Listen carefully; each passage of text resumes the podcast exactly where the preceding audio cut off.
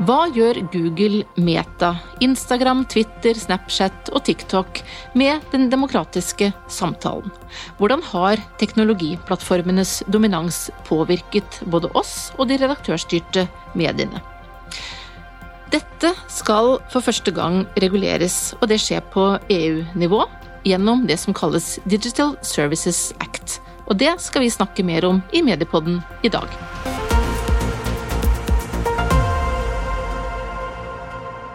Endelig, vil mange si, kommer nå den første reguleringen av de store globale tech-plattformene. Men hva betyr de nye EU-reglene egentlig? Hvordan kommer de til å påvirke din og min relasjon til plattformene og de sosiale mediene? Og hva skal til for at reguleringen skal virke? Vi har en kulturminister i Norge som er veldig opptatt av disse spørsmålene, og som nylig inviterte til en nordisk konferanse om temaet. Vi skal om litt høre utdrag fra den, men først skal vi snakke litt om hva Digital Services Act, eller DSA, som denne forordningen kalles, egentlig er. Og Audun Ågre, min kollega her i Medietilsynet, du har jobbet mye med DSA de siste månedene. Og vi kan vel i alle fall slå fast at dette er en lenge etterlengtet regulering.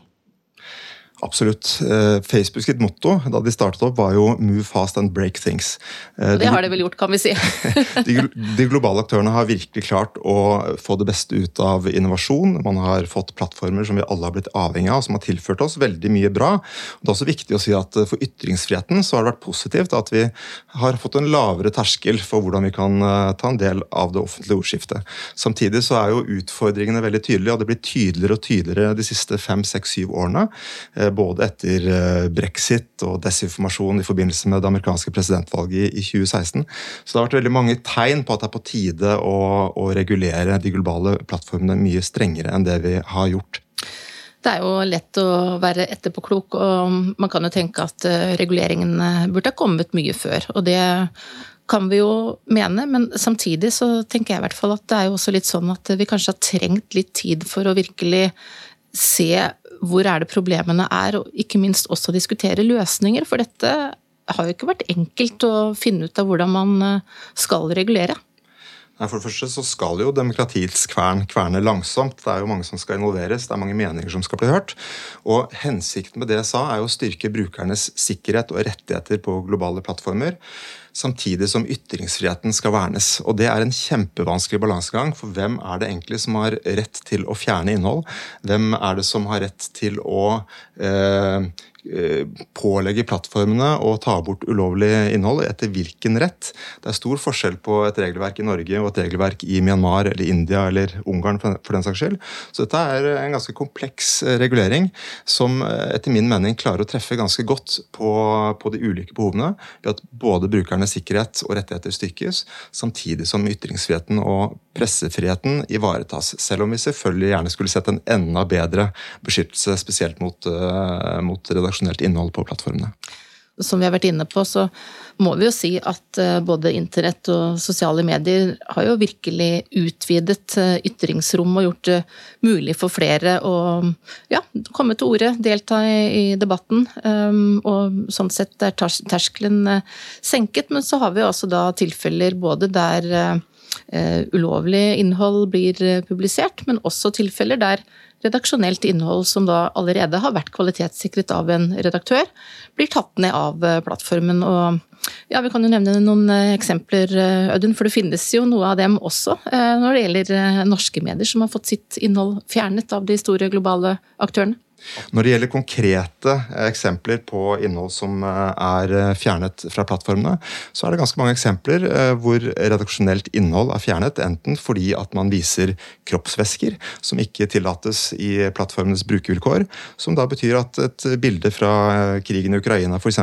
sensureres og fjernes fordi det bryter med brukervilkårene.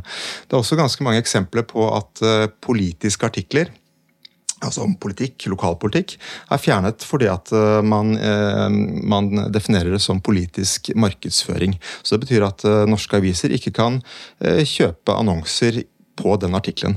Så det er ganske mange eksempler på at eh, plattformene har makt ganske vilkårlig til å fjerne også redaksjonelt innhold på plattformene. Og vi vet jo at ni av ti eh, nordmenn bruker sosiale medier. Vi vet også at eh, tenåringer i Norge har sosiale medier som sin primære kilde for nyheter. Og det gjør det jo da ekstra viktig å gi et godt vern om det redaksjonelle på plattformene.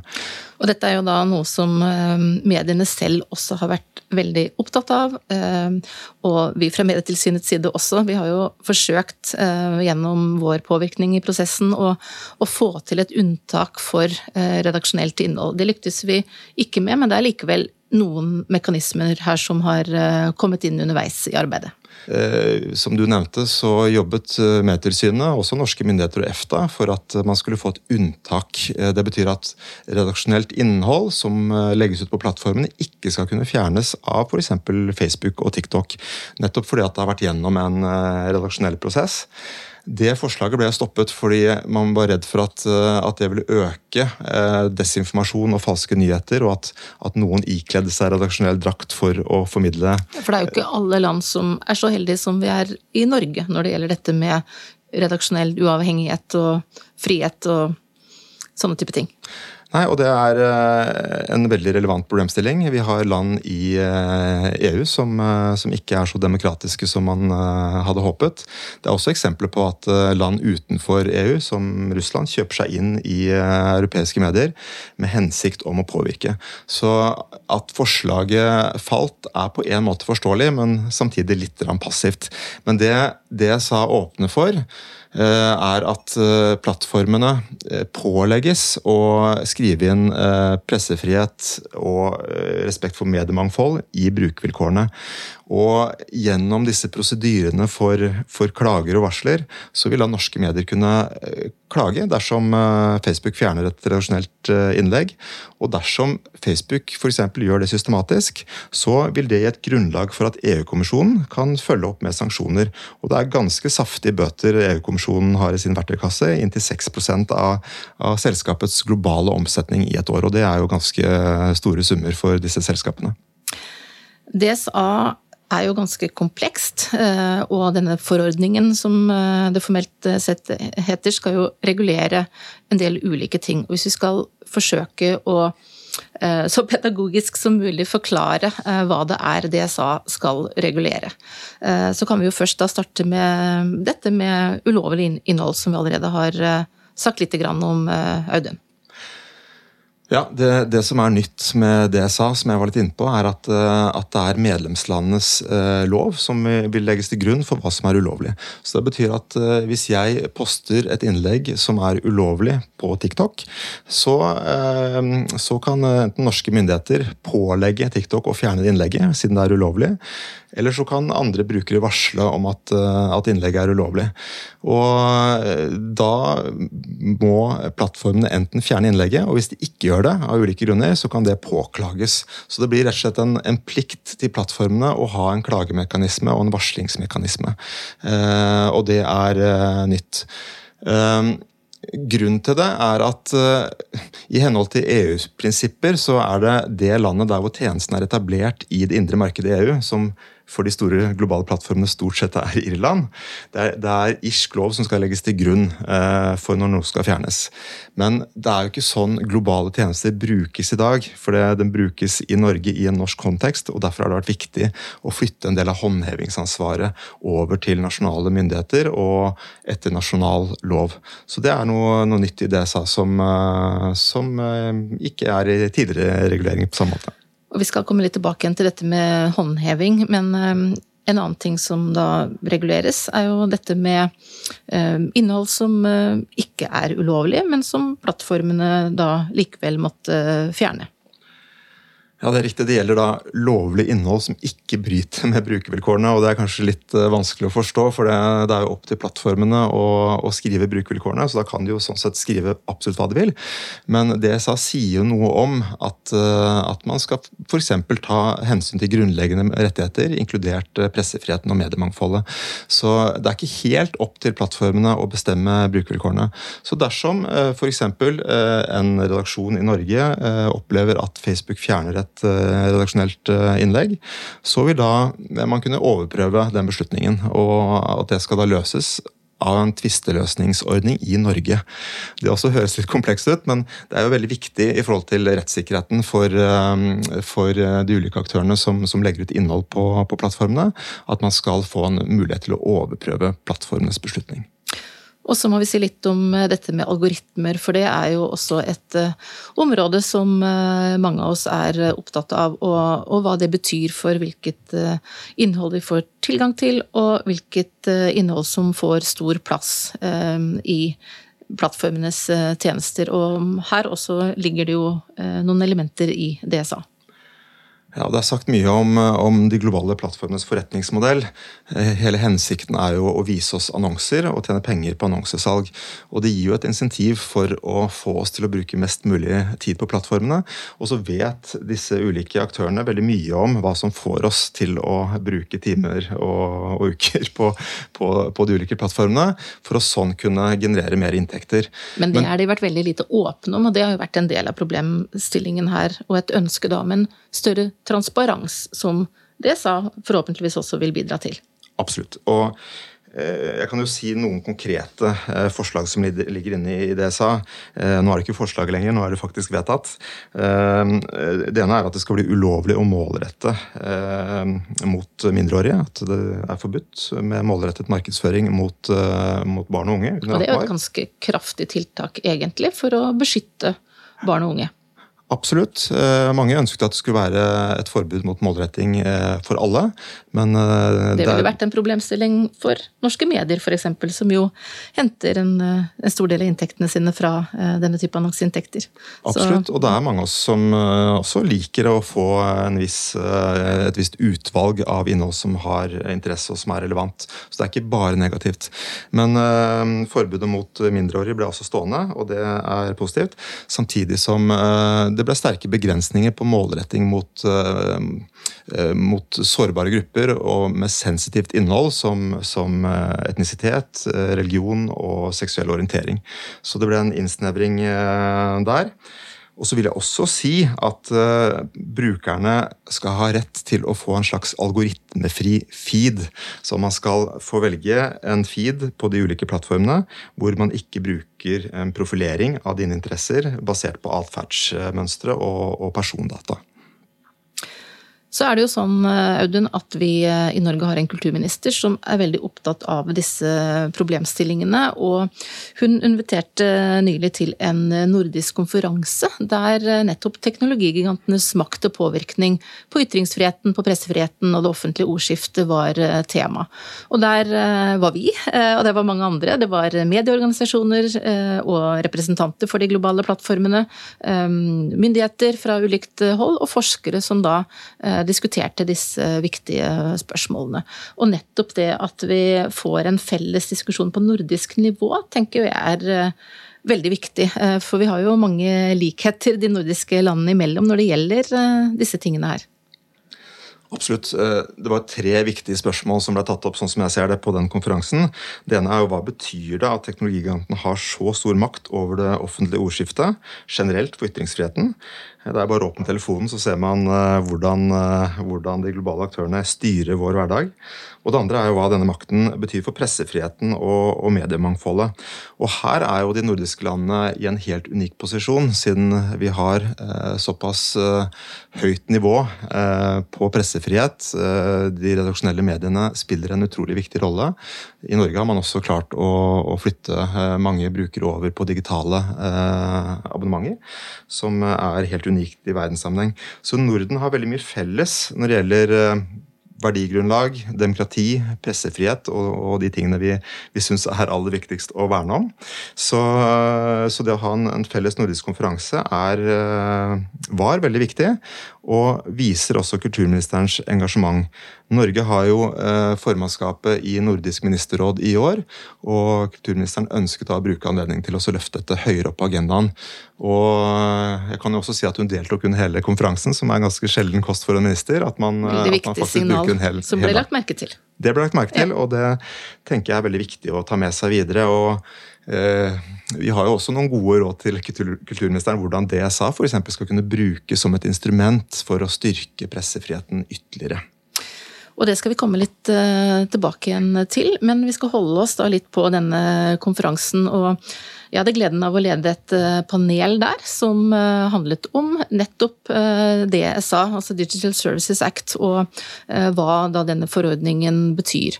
Og der deltok faktisk plattformene selv, representert ved Meta og Facebook, Marianne Nerhold, som er norsk representant der. Eh, vi hadde med Pål Nedergotten i egenskap av å være styremedlem i Mediebedriftenes eh, Landsforening, og Petra Wikstrøm, som er sjef for Public Policy i Skipsted. Og jeg tenkte vi skulle eh, unne oss å høre litt fra denne debatten, og vi kan da starte med Petra Wikstrøm, som forteller litt om hvorfor DSA er så viktig. DSA är ju extremt viktigt. Det är faktiskt första gången som har konstaterats här att vi har en lagstiftning som harmoniserar sättet på hur man ska ta bort olagligt innehåll. Tidigare har ju plattformarna haft möjligheten förstås att ha egna användarvillkor och på basen av dem ta ner det innehållet som de själva anser är olämpligt. Men nu är det då lagen som ska gälla, den nationella lagen som ska gälla. Det är också väldigt viktigt för att vi måste uh, ha en stor tillit till nationell lagstiftning när det kommer till vad är straffbart. Uh, och här blir det ju för plattformarna att lära känna och verkligen tillämpa den nationella lagstiftningen. Samtidigt är det också så att den här DSA är ju inte en ny reglering för mediebranschen, utan det är ju en reglering för plattformarna. Eh, så att det kommer ju inte att ha inverkan direkt på mediebranschen, men det kommer att ha en stor indirekt inverkan, men det kommer vi till senare. Pål Nedregosten, I hvilken grad tenker du at eh, DSA kommer til å adressere de utfordringene som eh, dere i mediebransjen er mest opptatt av i forhold til de globale plattformene? Uh, det er, som Petra sier, det, det, er et viktig skritt. Eh, det er et viktig første skritt. Vi skulle ønske den gikk lenger. Uh, en av de tingene som vi i mediebransjen uh, i Norge spesifikt har ønska oss, er jo en slags uh, safe-listing av det redaksjonelt kvalitetssikra innholdet som, som, vi gjør. Vi har, vi, har, kanskje verdens beste selvdømmeordning. Vi har en medieansvarslov som burde være veldig god utgangspunkt for å få til en sånn, sånn safe-listing. Dessverre så går ikke det jeg sa så langt langt. Men det er det vi skulle ønske. Men Det er et viktig første skritt, men, eh, men eh, vi håper eh, at utviklinga kommer til å gå lenger. Jeg er veldig glad for at du også er med i dag, Marianne Nerold, sånn at vi kan snakke med og ikke bare om disse globale, store plattformene. Og sett fra deres ståsted, hva kommer til å endre seg for plattformene med DSA? Vi er veldig glad for eh, det jeg sa. Vi støtter eh, å ha et felles rammeverk i hele EU. Og vi er veldig glad også for det ansvaret og tydeligheten og åpenhetskravene som ligger for plattformene. Eh, og særlig så syns vi det er bra med åpne, krav til åpenhet rundt moderering av innhold. Og vi syns det er veldig bra også med notice and takedown. at når vi får beskjed, når vi vet om eh, at innhold må fjernes, så gjør vi det. Men også at det ikke blir eh, eh straffet, at man proaktivt går inn og gjør tiltak når man blir oppmerksom på ulovlig og skadelig innhold. Så vi er veldig glad for å ha et uh, felles rammeverk, og det har vi etterlyst også i mange år. At det er et for stort ansvar for enkeltplattformer å utforme disse reglene selv. Og vi har jo gjort vårt beste, men nå er vi glad for at eh, det er på plass. Men Betyr det da også at dere er innstilt på å innrette dere etter DSA og, og følge de påleggene som uh, måtte komme? Ja, klart det. Vi jobber nå på spreng. Eh, det er jo veldig nytt eh, ennå, og vi jobber på spreng for å uh, imøtekomme og etterleve de kravene som stilles i DSA.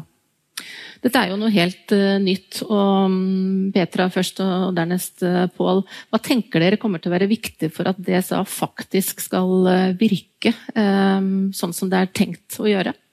Absolut viktigste med alle sånne regleringer i tillsyn eh, det er at vi faktisk har noen myndighet som, som effektivt følger opp hvor reglene etterfølges. Eh, det blir jo intressant i DSA, for første gangen kommer tillsynen å skje både på EU-nivå og på nationell nivå. Så at vi kommer å ha en tilsyn av de store globala plattformene på EU-nivå av kommissionen, vilket vi syns er en bra sak, For da handler det om sånne plattformer som har verksamhet over flere länder, der man behøver ha virkelig en harmoniserad syn på tillsynen. Eh, men samtidigt har vi också en massa mindre plattformar som är väldigt nationella och där har vi då nationella myndigheter. Eh, sen blir det också en stor fråga vilka är de eh, myndigheter som kommer att, att vara ansvar. För det är ju inte avklart ännu i Norge, bara för att fastslå det. Det är fortsatt i process. Mm. Exakt. Så det kommer att bli liksom tillsynen som vi åtminstone kommer att se väldigt noggrant på. Vad, blir, vad kommer verkligen att ändra? Vad blir det för konkreta ändringar på marknaden? Vad tenker du Paul? skal det til for at vi får eh, effekter av detta? Altså, aller først så bare slutter meg til det, det, Petra sier. Altså, en ting som vi er veldig spent på, eh, og det tror jeg vi kommer til å oppdage bit for bit over lang tid, det er jo hvordan eh, Meta, hvordan Google, hvordan disse plattformene faktisk praktiserer det her. Hva slags verktøy er det som vil, eh, vil komme som vil hjelpe oss i, i, bransjen? Hvordan vil den samhandlingen mellom oss og plattformene være? Det er jo en, en ting som er en stor frustrasjon for oss i mediene. ikke sant? Altså, hvem tar vi kontakt kontakt med? Hvem snakker vi med? Uh, og, og, og, der er de ulike plattformene ulik. Uh, det sitter andre representanter for, for andre aktører for plattformene i, i, salen. Noen er veldig gode til å være i dialog med oss. Andre har vi dårligere kommunikasjon med, og noen har vi ingen kommunikasjon med. Og det er kanskje en av de tingene som, som er aller mest opptatt av og spent på hvordan det her vil, vil, treffe, handler nettopp om det. Hvordan skal vi klare å få til en god sam, samhandling, en god samtale, som, som faktisk fører til reell eh, endring? Altså, en ting er policyen, hvordan den praktiseres. altså Djevelen bor i detaljene her som i alt annet.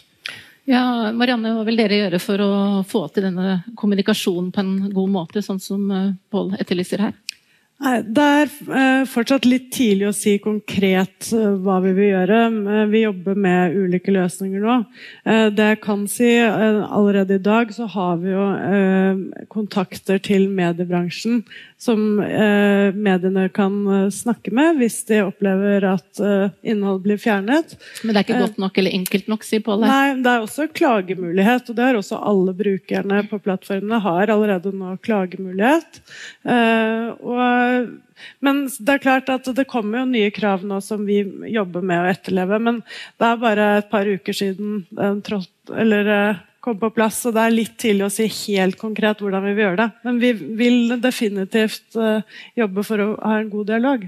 Dere kommer kanskje til å ha noen gode tips da, både Peter og Pål til Marianne i forhold til hvordan dette her eh, bør være? Jeg vil, jeg vil, jo gjerne oppfordre til å være i tett dialog med oss. Uh, og du har jo helt rett. Ikke sant? Dere har jo representanter vi kan snakke til. Problemet er jo bare at det, er nesten ingen representanter. Det er to mennesker i Sverige vi kan, uh, vi kan prate med. Og det er veldig begrensa hva de har innsyn i og kan gi oss tilbakemelding til. Og jo da, vi kan klage. ikke sant? Men, men poenget er at vi må få til en mye mye mer smidig samhandling eh, oss imellom. mellom de andre de andre, andre aktørene. Og, og, igjen, bare gjenta, her er det stor forskjell på det som i dag er klassifisert, eller som i DSA det man blir klassifisert som very large online platforms. Det er stort strekk i laget. Og frustrasjonen vår den, den finnes på detaljnivå i relasjoner til Meta, men den finnes også i, i, i stort monn i relasjon til de andre aktørene. Men eh, god samhandling og, og, gode rutiner og strukturer for å kunne ha dialog, det er i hvert fall eh, en viktig forutsetning, sånn som jeg leser dere begge. Jeg tenkte vi skulle snakke litt mer spesifikt om eh, dette med redaksjonelt innhold på globale plattformer. For vi har jo etter hvert en del eksempler på at f.eks. Facebook har slettet redaksjonelle innhold, som bilder fra krigen i Ukraina fordi de bryter med retningslinjene, eller politiske artikler som eh, blir vurdert å være politisk markedsføring og dermed blir eh, tatt ned.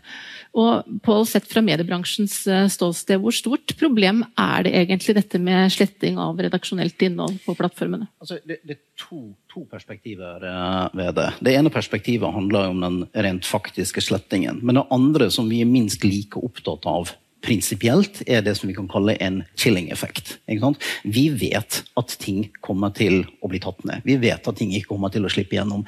Ergo velger vi det bort. Så, så, så Et konkret eksempel er fra, fra VG, eh, hvor, hvor bildet av en, en uh, skadd ukrainer eh, blir klassifisert ikke av dere, men av en av de andre aktørene, eh, som, eh, som bodily fluids. Og Dermed blir det ikke vist frem. Uh, det, det, det, gjør jo altså, Det her vet man før man publiserer det. ikke sant? Så den chilling-effekten er vi veldig veldig opptatt av. Og disse tydelige retningslinjene for, for, for, uh, for det som er burde vært helt åpenbare ting for oss i mediebransjen å få publisere på disse plattformene. For Du, du innleda helt riktig, uh, Mari.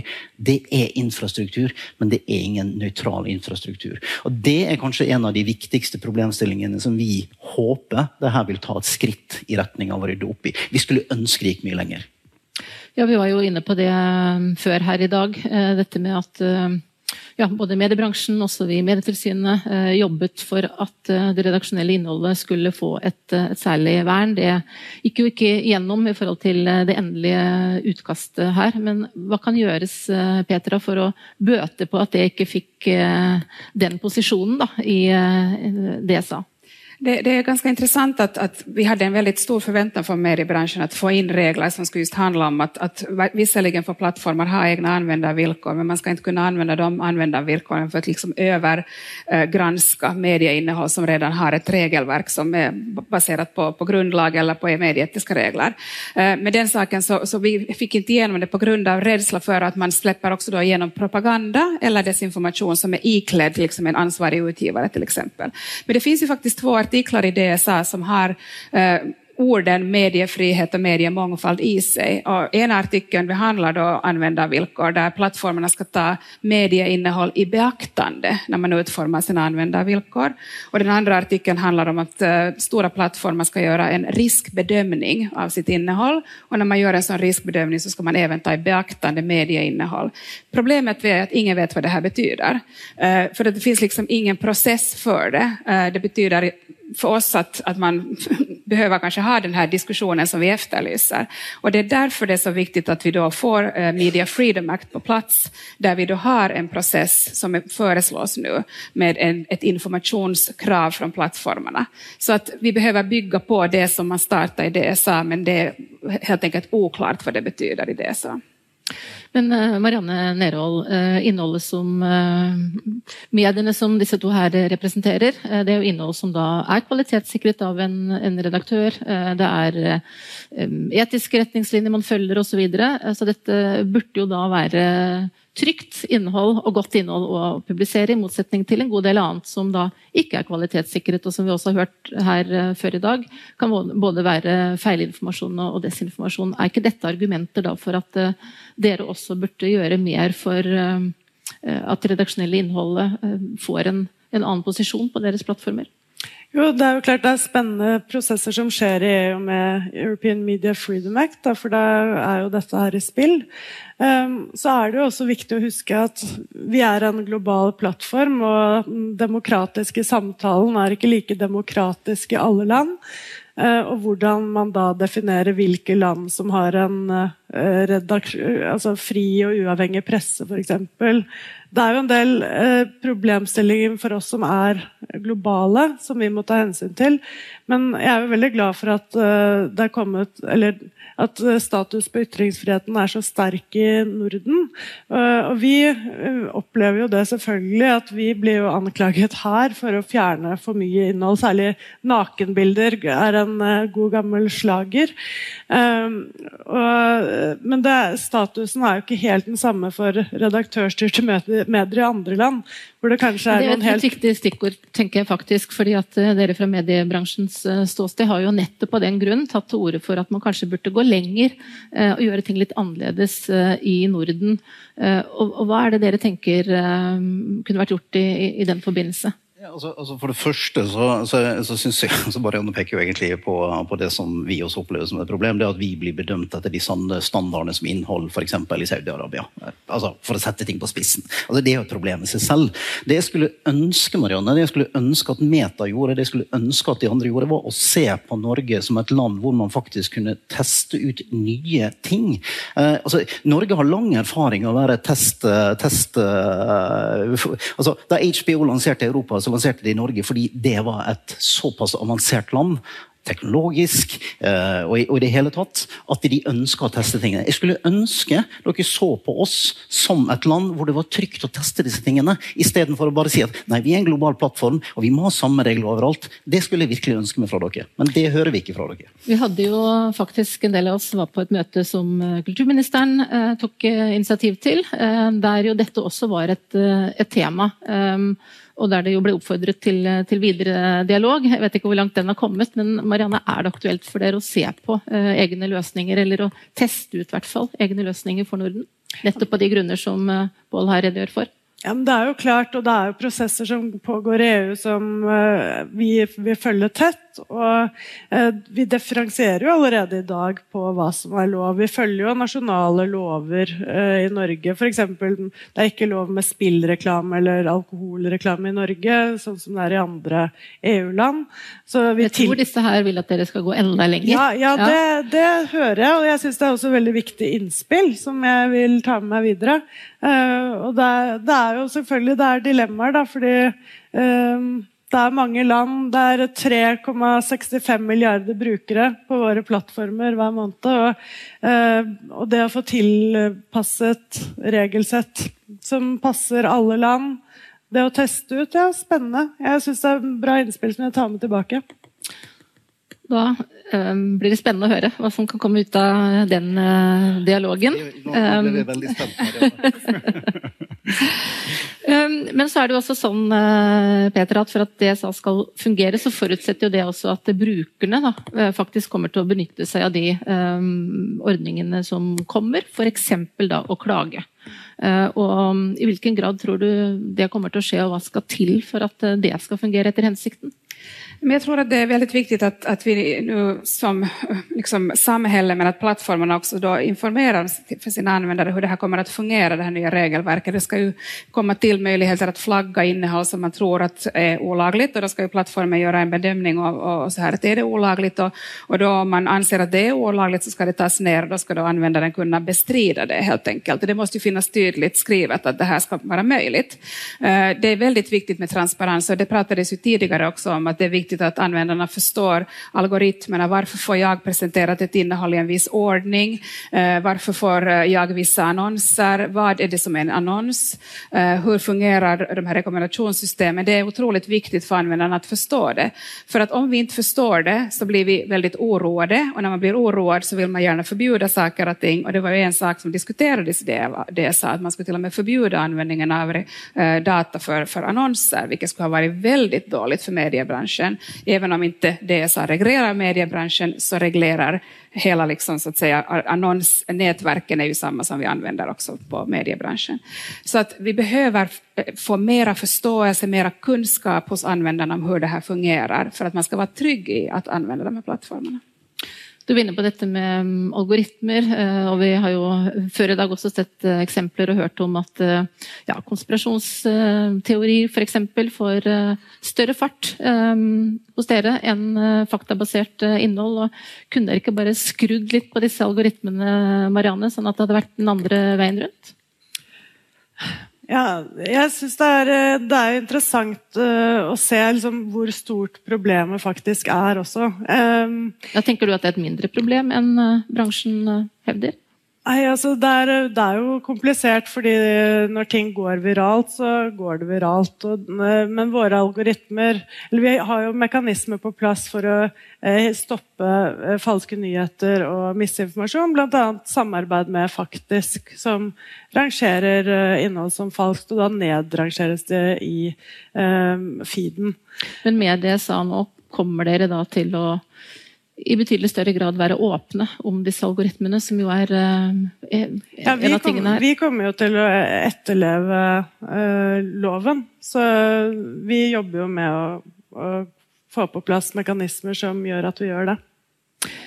Vi nærmer oss eh, slutten, men eh, helt kort til slutt en liten runde på um, Hvis dere skal trekke ut én ting som dere tenker er det aller, aller viktigste uh, med det sa, hva er det da? Petra først.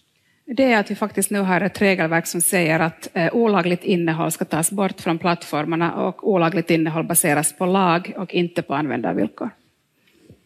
Paul? Jeg tenker Petra svarte for mediebransjen. Dere er helt enige. Eh, bare, men bare slutt med det Petra sa, og, og komme med en, en, veldig klar oppfordring til, eh, til, ministeren. Altså, Vi ønsker og håper på en rask behandling og implementering av det jeg sa i norsk lov. Marianne, fra ditt eh, ståsted, hva tenker du er det aller viktigste? Nei, vi syns det er veldig bra med det, for det, det, styrker det digitale indre markedet. Det gir eh, forutsigbare felles regler som vi forholder oss til. Så det er vi veldig glad for. Ja, Audun eh, Ågre. Vi må vel si at eh, i hvert fall paneldeltakerne er, eh, er, ganske forventningsfulle i forhold til den betydningen som Digital Services Act kan få. Og jeg vil vel si at vi deler det fra Medietilsynets side også. Vi tror at dette blir et viktig verktøy. Og vi kan jo kanskje gå litt nærmere inn i hvem DSA vil gjelde for. DSA regulerer kun digitale plattformer. Eh, F.eks. finn.no, der brukerne selv legger ut innhold, eh, hvor man selger varer osv. Eh, men primært plattformer som Facebook og TikTok, og der hvor brukerne selv legger ut innhold og ytrer seg. Sosiale medier, kort sagt. Sosiale medier, kort sagt. Og hvor det er særlige plikter til de største av de sosiale medieplattformene. Så det betyr at DSA sier jo ikke noe om hva vi brukerne begrenses av. Det sier heller ikke noe om hva som er lov eller ikke lov på plattformene, for det overlates til nasjonal rett. Men det er viktig å si at det er de digitale plattformene som reguleres. Det er f.eks. ikke redaktørstyrte medier. Viktig presisering. Og så er eh, jo også et viktig spørsmål eh, hvordan da denne forordningen skal implementeres, og ikke minst eh, følges opp, og hva slags konsekvenser det da kan ha om man bryter noe av det som er regulert. Det blir mye på en gang, men vi kan jo først starte litt med hvordan dette i praksis da skal fungere, f.eks. her i Norge. Mm. Nei, først og fremst så kan jeg si at, eh, at eh, det sa trer i kraft i løpet av november. Eh, og det er jo en milepæl som, som, er verdt å, å, markere. Kanskje til og med feire litt. Eh, for dette er en helt unik regulering. Det er som EU sier, de første trafikklysene som settes ut på, på det globale internettet. EU-kommisjonær eh, e Thierry Breton sier til og med at dette er som ansett den første sheriffen i Det ville vesten. Så det er klart, eh, retorikken Eller slutt på hjemme alene-festen, som noen andre kaller det. ja. Nei, så Det er absolutt en, en regulering som blir lagt merke til i Europa og hele verden. Når det gjelder fra norsk side så, så, må jo dette prosesseres, eh, tas gjennom systemet i, i Norge. Vi kan i hvert fall si at det kommer til å gjelde i Norge selv om vi ikke er medlem i EU. Dette er en forordning, så det kommer til å bli mer eller mindre ordrett en del av norsk rett. Eh, og da er det opp til norske myndigheter å etablere såkalte nasjonale ordninger. Eh, jeg kan jo prøve å forklare det litt nærmere, for det er også litt komplisert. Men hvert land i EU skal ha et slags kontaktpunkt som kalles eh, koordinator for digitale tjenester. Og Det er det som er kontaktpunktet for alle brukerne hvis de ønsker rettledning. Men også, eh, også muligheten for å klage direkte inn til denne koordinatoren. Det som er enda viktigere med, med koordinatorrollen, er at man har ansvaret for å etablere det som kalles sertifiserte varslere. Og hva er det for noe? Jo, det er organisasjoner som har spesiell kompetanse innenfor et visst felt. Det kan være barns rettigheter hvor de da skal eh, dokumentere ulovlig innhold på de plattformene og varsle plattformene om det. Og plattformene pålegges å prioritere disse varslene. Så Det betyr at, eh, at, fra norsk side så vil man få en mekanisme som lettere kan identifisere ulovlig innhold og fjerne det. En annen viktig oppgave er å sertifisere det som kalles uh, det som kalles tvisteløsningsorganer, eller Out of Court Redress Mechanisms, som det heter på, på, på nynorsk. Og der skal man kunne overprøve plattformens beslutninger, f.eks. hvis de fjerner redaksjonelt innhold som ikke bryter med vilkårene. Så rollen til en koordinator, et kontaktpunkt i Norge, er ekstremt viktig for å håndheve regelverket. Og så er det ett element til som jeg har lyst til å nevne. Det er at man vil også få ansvaret for å følge opp dette internasjonalt. For dette kan jo ikke ses isolert norsk eller nordisk. Det handler om det europeiske nivået, så man er nødt til å bruke Euro Europakommisjonen, eventuelt ESA, for å følge opp de globale plattformene gjennom, gjennom å dokumentere brudd på bestemmelsen i Norge. Og så er det jo ikke bestemt ennå akkurat hvordan dette skal organiseres i Norge, hvilke myndigheter som får hvilket ansvar. Vi kan vel eh, si, eller jeg kan si, at eh, vi fra Medietilsynets eh, side er jo opptatt av at vi eh, må ha en rolle i dette, eh, fordi vi tenker at kunnskap om ytringsfrihet, redaksjonelt innhold, hvordan det skiller seg fra andre typer varer og tjenester f.eks., vil være sentralt når det gjelder å følge opp disse punktene. Men her er det utvilsomt flere typer kompetanser som må inn. Så her må vi bare ta utgangspunkt i at norske myndigheter får på plass et godt rigg som ivaretar da alle behovene når det gjelder å følge opp dette fra fra eh, norsk side. Vi hørte at de som deltok i den nordiske debatten eh, på dette møtet, var optimistiske. Eh, og vi er vel det vi også, Audun, sånn avslutningsvis. Vi tror at dette blir et viktig vendepunkt til publikums beste, for å si det sånn. Ja, det tror vi absolutt. For det første så er det jeg sa et godt grunnlag for å adressere en del av de største problemene vi egentlig har i vår tid når det gjelder ytringsfrihet og, og sikkerhet på de globale plattformene. Og så avhenger det av politisk vilje fra norske myndigheter å satse på de nasjonale ordningene som vi har vært inne på. Og jeg er eh, optimist, eh, ikke minst pga. kulturministerens sterke engasjement. Og grunnen til at Medtilsynet har meldt seg på om å kunne ha en rolle som, som koordinator, er jo fordi at vi tror at innhold kommer til å bli eh, den største volumet av saker som de nasjonale ordningene må prosessere. Og at innhold også gir noen utfordringer opp mot ytringsfriheten som, som vi har god kompetanse på. For det sa gjelder jo også varer og tjenester, så det er klart det er flere tilsyn som må inn i denne mekanismen. Det får bli siste ord om eh, det jeg sa i denne omgang. Det er helt sikkert noe som vi kommer til å komme tilbake til også i Mediepodden. Um, vi takker for oss i denne omgang, eh, Audun Ågre eh, og jeg, Mari Welsand, og vi jobber begge i Medietilsynet.